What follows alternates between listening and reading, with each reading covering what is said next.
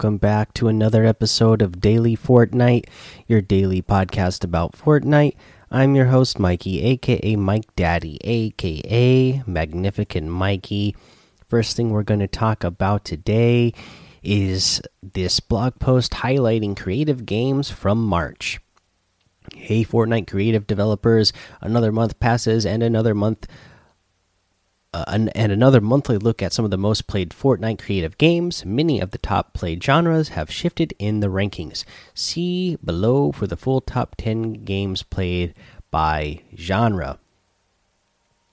Uh, you know what? And then uh, let's just go ahead and read out what the the games are, and then again, if you want to go find these, uh, then the island codes are in the blog post. But there's a box fight competitive practice. Uh, the most played last uh, or the month of March, yeah, last month was box PvP. Zone Wars was desert desert zone wars. I, sh I, should say who these were by as well. So box PvP was art by RJW. Desert Zone Wars was by uh, Joda Joe Joe Tape game. Uh, we had a 1v1, which BHE 1v1 build fights by BHE. Uh, FFA Arena.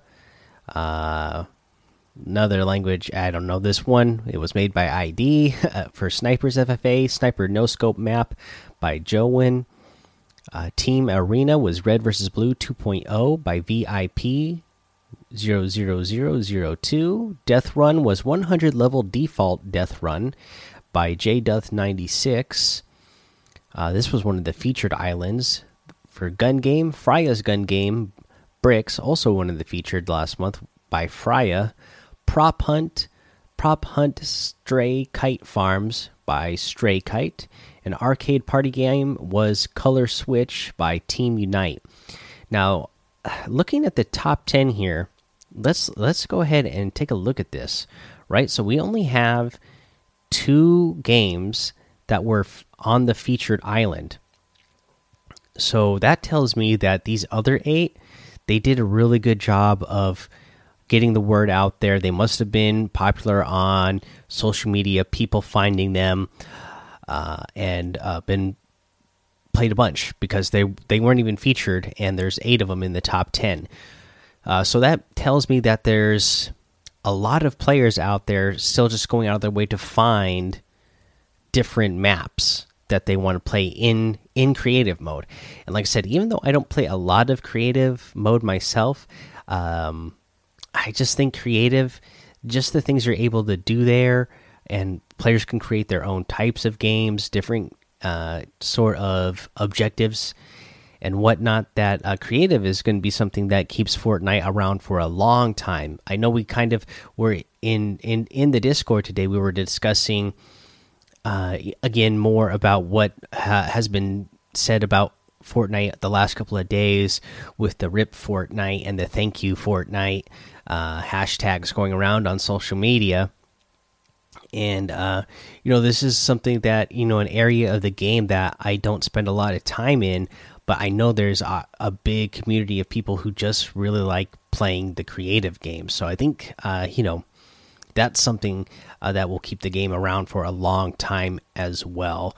Uh, and it's probably something I should look at more into myself, and I would if uh, only I had more time. Like I said, in uh, these times, I seem to be more busy instead of uh, less busy, but uh, in a way, I am thankful for that.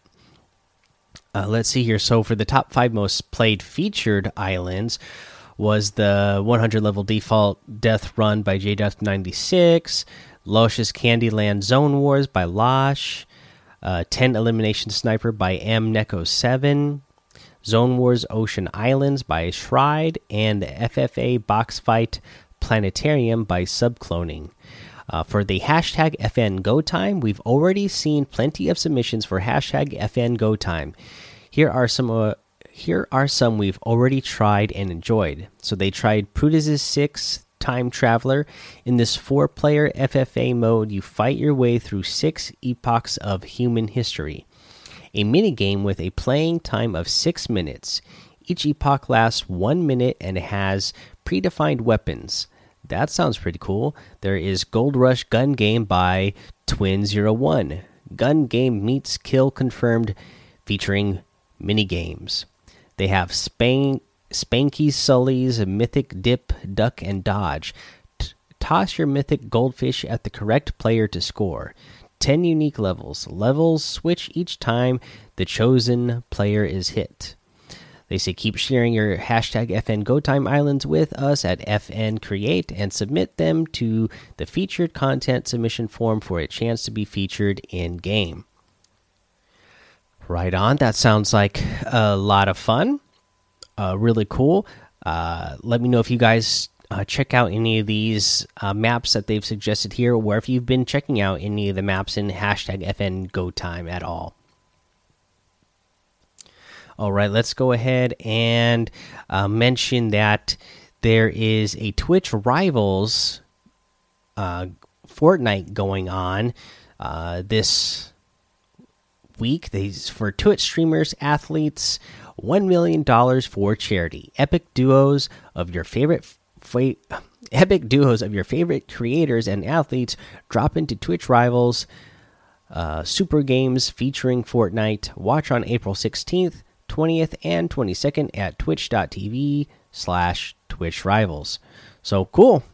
Uh, got another little uh, Twitch Rivals event coming up. Those, those are always fun to watch. To watch some of your favorite Fortnite pros uh, team up with celebrities. It's it's always fun to watch those, right? Uh, let's see here. Uh, that's all I got for news for you. So let's go ahead and move into a challenge chip.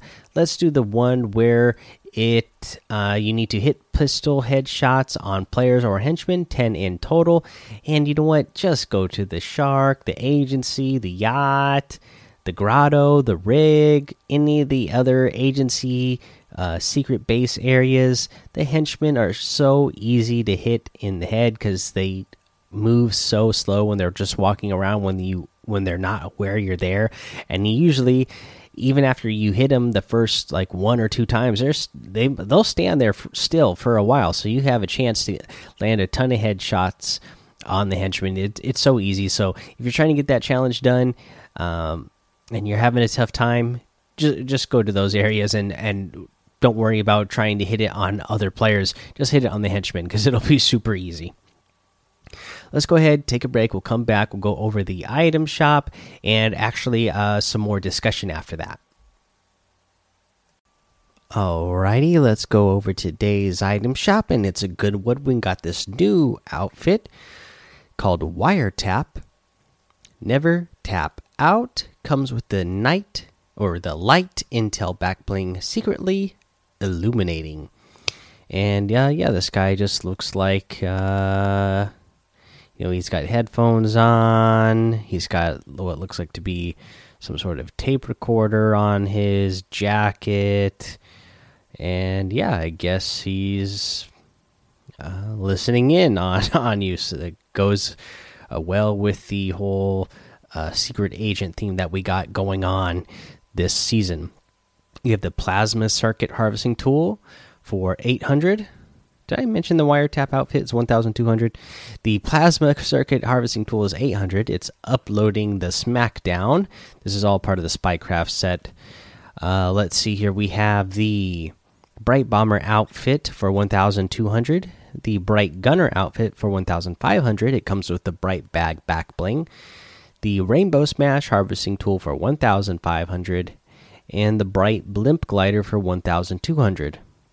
You have the Panda Team Leader outfit that comes with the Bamboo backbling for 2000 V bucks, the Wukong outfit with the Royale flags backbling 2000, the Jingu Bang harvesting tool for 1200 the Maki Master outfit that comes with the Shrimpy backbling for 1200, the Birdie outfit for 800, the Kite emote for 500, the Mind Blown emote for 200, the Driver harvesting tool for 500, and the Studded Axe harvesting tool for 800. You can get any and all of these items using code MikeDaddy, M M M I K E D A D D Y, in the item shop, and some of the proceeds will go to help support the show. Now, like I said, uh, for the end of the show today, we'll do some discussion. First up, we got an email that came in from Basil that says, uh, and this was in response to my question earlier this week asking what you guys might think would be happening at the agency with those uh, those uh, hatches that are around the agency. So Basil says, I think Midas is going to destroy the island and use the power of the zero point sphere to power it. He will probably use the hatches around the agency to launch the missile. That uh, would be pretty crazy, right? Uh, and it does make sense because Fortnite does seem to, uh, when they're when they're making changes uh, to the map, they do kind of like to have a centralized area uh, that uh, they make changes to, or where it seems like there's a central area that um, changes are emanating from. Like you know, we had Loot Lake before, and the and the cube uh, kept going there, and you know it you know it, it, drained into the lake, and then we had the floating islands, and it all kind of what kept going there. So maybe it's going to be the same thing. The agency, it is right in the middle of the map on that island. It was just you know an island with the house on before. Now it's an island with the agency. Uh, maybe there'll be more big changes uh, to that spot right there in the middle of the map later on. Uh, thank you, Basil, for sending in that email. Uh, let's see here. I guess I kind of already discussed in the beginning uh, of the show, kind of what uh, of the thoughts were uh, about uh, about the current state of Fortnite. And you know, uh, from what I gather, it, it, still seems like most people, uh, you know, the the big thing or the biggest thing is the the communication part, right? Uh, the side of uh, of of Fortnite. Hopefully, they'll get back on it. I saw today that uh, you know, there was at least some sort of response. Nothing, uh, you know, nothing solid. uh, uh, but uh, Mark Rein, the vice president and co-founder of Epic Games, um, just tweeted this out yesterday. But it must have been yesterday night because I didn't see it until this morning that said, We appreciate the support. We have lots of amazing things in the works. Please stay safe, everyone. Hashtag thank you, Epic Games. Uh, so, you know, again, not really announcing that anything is there or anything what is coming, but uh, at least, you know, at least saying, you know, uh, they have things in the works. Uh, you know, they haven't said anything for the longest time. So, I mean, hopefully, whatever they're working on is going to be really big, and that's why they haven't been communicating because they really just want to make it a big surprise, whatever it is that they have been holding out on for uh, so long. Uh, I don't know. We'll see. Uh, but at least we uh, I guess even got just some sort of hint that something that they are currently working on something, uh, which is uh, good to know, I suppose. Uh, hopefully, we can get some more uh, communication on what those things might be or what kind of things we might uh, expect in the future for both competitive and uh, casual. All right, guys, that is the episode for today. Go join the daily Fortnite Discord and hang out with us. Follow me over on Twitch, Twitter, and YouTube. Mike Daddy on all of those. Head over to Apple Podcasts, leave a five star rating and a written review for a shout out on the show. Make sure you subscribe so you don't miss an episode. And until next time, have fun, be safe, and don't get lost in the storm.